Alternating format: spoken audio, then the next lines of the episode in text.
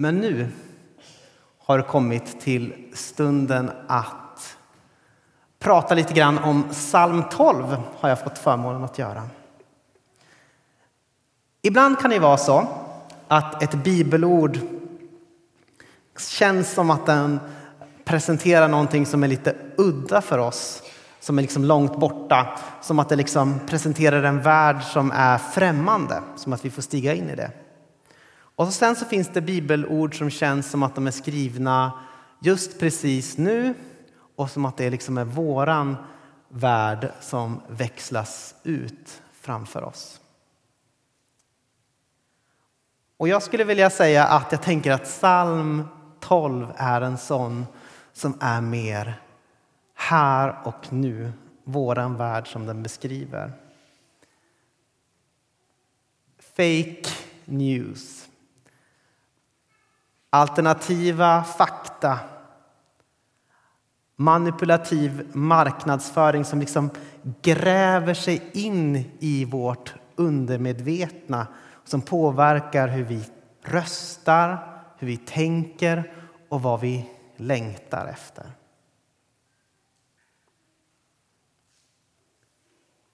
Alla dessa hala tungor tränade i att det är skenet som räknas. Så länge det låter rätt och kan kläs i rätt ord så är det sant. För några dagar sedan så lyssnade jag på en eh, debatt om, eh, om tiggeriförbud faktiskt. Och då var det en företrädare för ett parti som sa någonting i den här stilen. Det är ovärdigt när människor står på knä med pappersmuggar. Vi måste förbjuda tiggeri. Det kan man tänka lite grann på. Alltså att förbjuda att människor står på knä med pappersmuggar. De som ber om hjälp för sin försörjning. Att bötfälla dem som inte har någonting. Det liksom kläs i ord av att det här egentligen handlar om medmänsklighet. Det är ganska smart. För jag uppfattade inte egentligen att den här företrädaren för det här partiet egentligen hade några konkreta förslag på hur man skulle hjälpa de här människorna. Men det lät ju bra när han sa det liksom att det är, det är förnedrande att stå på knä med en pappersmugg.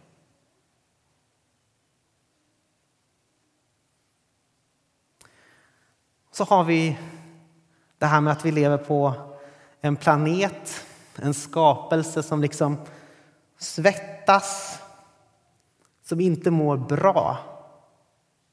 Och också det är någonting som man lätt kan finta bort liksom, med massor med ord. Man kan säga att ja, men det där det löser sig. Ge oss bara några år och lite teknik så kommer det fixa sig. Vi kommer, vi kommer klara av det. Eller så börjar man prata om någonting annat så. Kanske. Men tänk inte på det där. Andra länder måste ju också ta sitt ansvar, eller hur? De där miljömupparna, de, de överdriver lite grann i alla fall. Fake news. Kina har hittat på det. Och problemet är att det här inte bara gäller spindoktorer och PR-gurus någon annanstans. Det gäller även oss. Har vi tryckt fram där någonting? Jag kollar aldrig på det här. Jag är jättedålig på att liksom, eh, sköta eh, powerpoints och sånt där. Eh, alla ljuger för varandra, talar med hala tungor och falska hjärtan. Alltså otroligt mycket om man bara läser på sociala medier, favoritmetafor här bland predikanter, är att väldigt mycket handlar liksom bara om att glida undan eller liksom inte att liksom säga ja, men det här är inte så farligt eller så där och, bla, bla, bla. och så ljuger man för varandra och så ljuger man för sig själv. Och vi lär oss ganska snabbt också att ljuga för oss själva. Vi klär oss själva i bra ord. Jag gillar inte invandring. Låter inte så positivt. Men då kan man kalla sig, säga att man är en Sverigevän till exempel istället. Istället för att säga, det här tror jag är den vanligaste lögnen som vi säger till oss själva. Istället för att säga jag vill inte så säger vi jag hinner inte. Jag tror att det är ett av de vanligaste sätten som vi ljuger för oss själva på. Och sen så kan man ljuga liksom på alla områden för sig själv. Man kan ljuga för liksom arbetet man håller på i, vad det är man egentligen gör för någonting. Och så säger man att det är egentligen någonting annat. Alla talar med hala tungor och ljuger för varandra.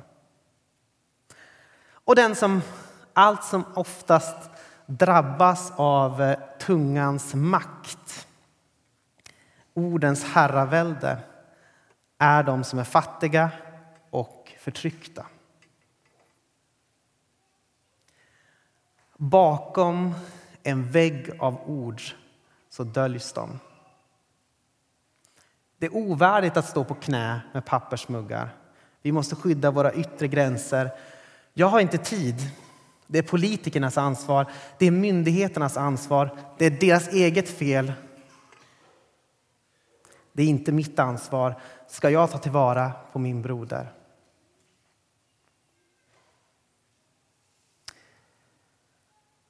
Vår tunga gör oss starka. Vi har ordet i vår makt. Vem är herre över oss? Men ordens makt gör oss också förvirrade. Finns det egentligen något som är sant eller är allt bara ett stort gungfly? Är det ytterst sett vi själva som bestämmer över tillvaron? Är vi våra egna herrar och kungar? Finns det egentligen någon herre ovanför oss? Och under tiden suckar de fattiga ett rop på hjälp. Och också vi ropar hjälp oss att se vad som är sant. Så mitt i all denna lögn, mitt ibland alla dessa hala tungor, alla dessa som trycker ner människor med sina mäktiga tungor. Alla dessa lena stämmor som döljer dolkar.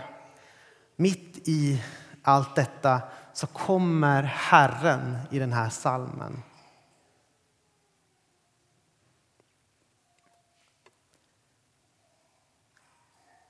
Ja, det finns en som är Herre. Det finns en som kan gripa in. Det finns ett sant ord som tränger igenom alla falska ord. Det finns någonting som kan gå förbi alla ideologiska luftslott. De svaga förtrycks och de fattiga klagar. Därför vill jag nu gripa in, säger Herren. Jag vill ge hjälp åt den som föraktas. John Bunyan, Eh, en baptist som levde på 1600-talet i England. Han skrev bland annat en bok som ni kanske känner till som heter Kristens resa. Någon kanske har läst den. Han skrev, eh, och nu måste jag byta bild. Eh, han skrev så här om bön. The best prayers have often more groans than words. Om vi översätter det lite snabbt så blir det de bästa bönerna innehåller ofta mer stön eller kvidanden eller suckar än ord. De ord som används i De fattiga klagar i psalm 12 eh, kanske egentligen ligger närmare De fattiga jämrar sig eller de fattiga stönar Gud är kvidandets Gud. Gud är inte den som låter dupera sig av fina ord som man rabblar eller som liksom man kan tala om kull eller så.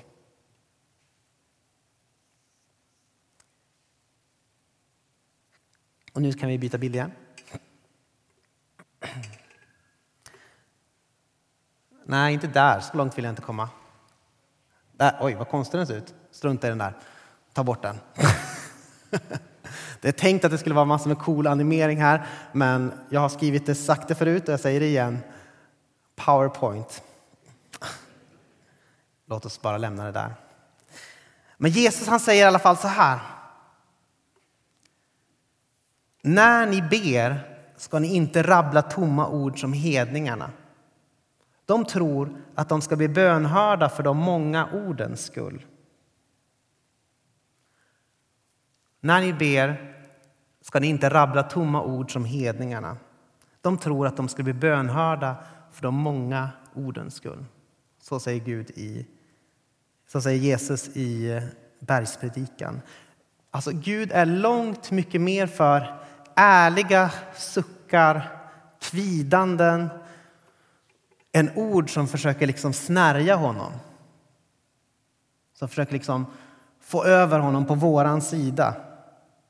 Det finns en herre som liksom inte tungans makt rår på. Oavsett hur mycket hala tungor liksom försöker tro att det inte finns något, någon herre som är över dem så finns det en som är det. Det finns en som man inte kan dupera. När det stod här i psalm 12 att eh, Gud hör de fattigas klagan eller kvidanden så handlar det inte ens det ordet om medveten bön.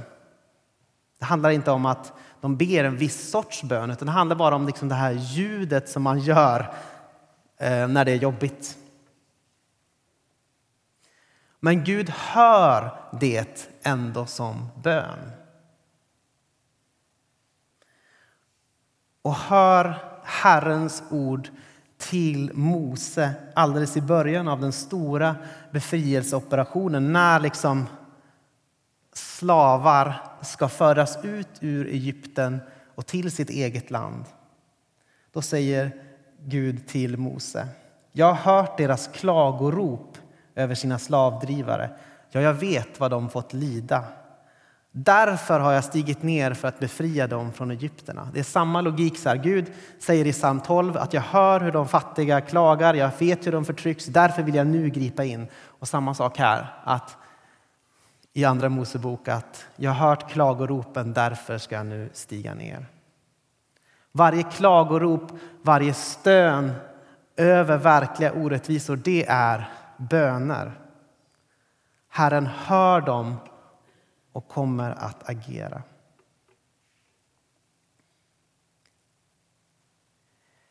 Vi lever i en skapelse som lider.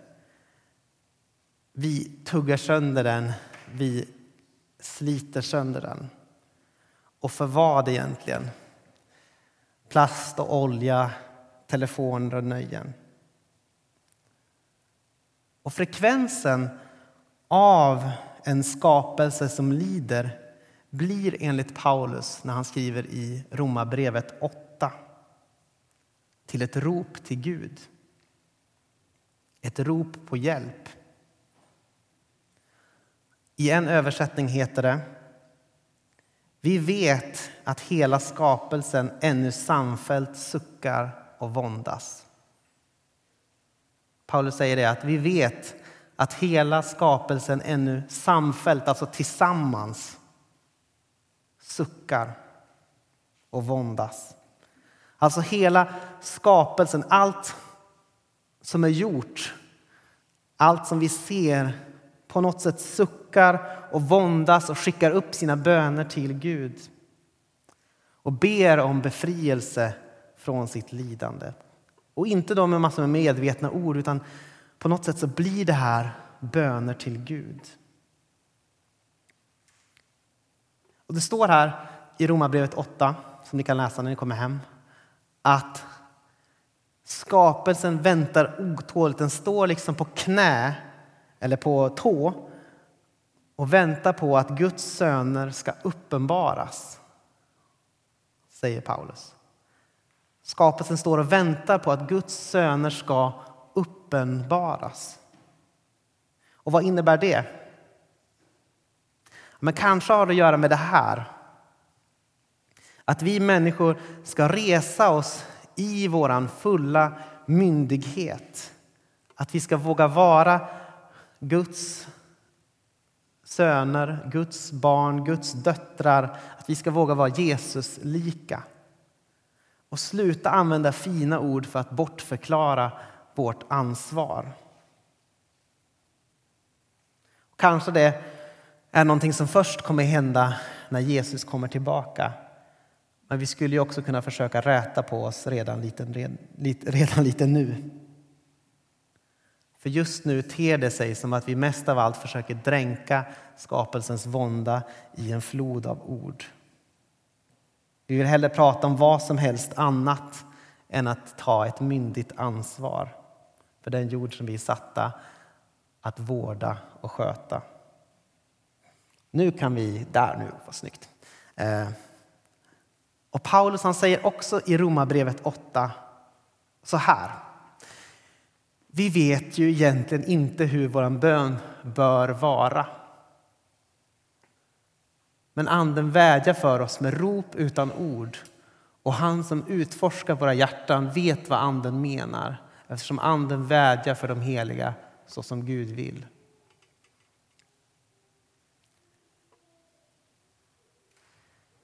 Vi vet egentligen inte hur vi ska be. Var i hela världen är det mest angeläget att jag ber? Vart ska liksom jag lägga mina böner? Vart hör de hemma någonstans? När hela världen verkar ha ett så stort behov, hur ska vi kunna be på ett rimligt sätt? Vi vet att vi vet helt enkelt inte hur vår bön egentligen bör vara. Risken är ju att vi bara rabblar massor med tomma ord som hedningarna. Och det är här som Anden griper in till våran fördel.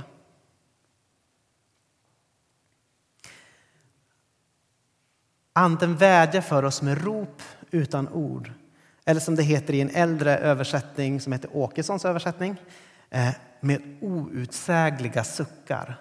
Anden vädjar för oss med outsägliga suckar. Suckar som inte går att uttala.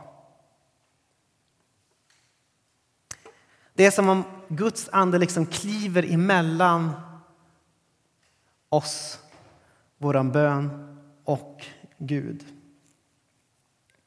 Som på något sätt anden förflyttar våra fumlande böner som vi egentligen inte vet hur de bör vara till att bli ett deltagande i de förtryckta suckar och ett deltagande i skapelsens vånda.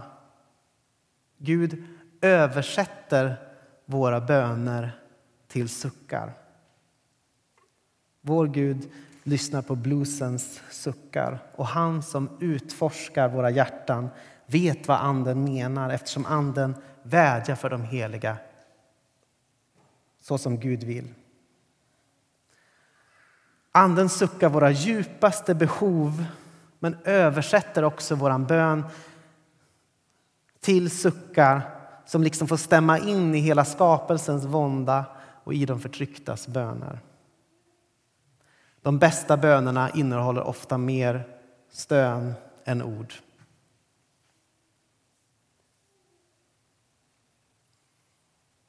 Nu kan vi byta igen. Det finns ett ord som är sant. Herrens ord är rena ord. Silver renat i degen, guld sju gånger luttrat.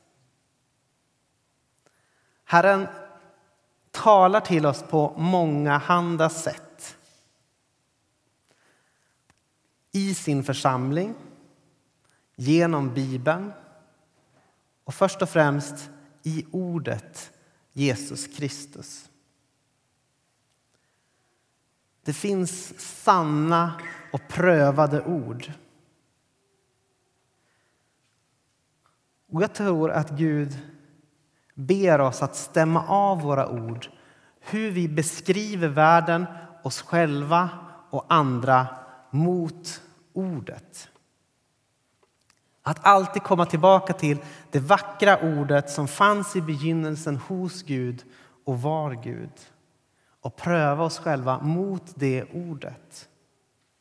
Det här luttrade ordet som har prövats på alla sätt och varit som vi, men utan synd.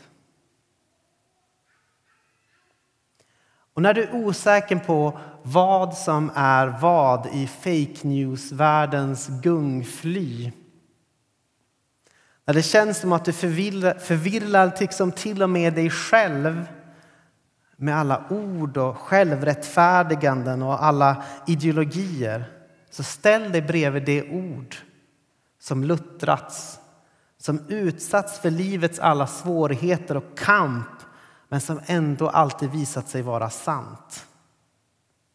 Det är där som du kan se vad som är sant och vad som är falskt i ditt liv. Vad som håller och vad som bara är dimridåer. Det är det här ordet som vi ska lita på. Det är det här ordet som ska komma till vår hjälp.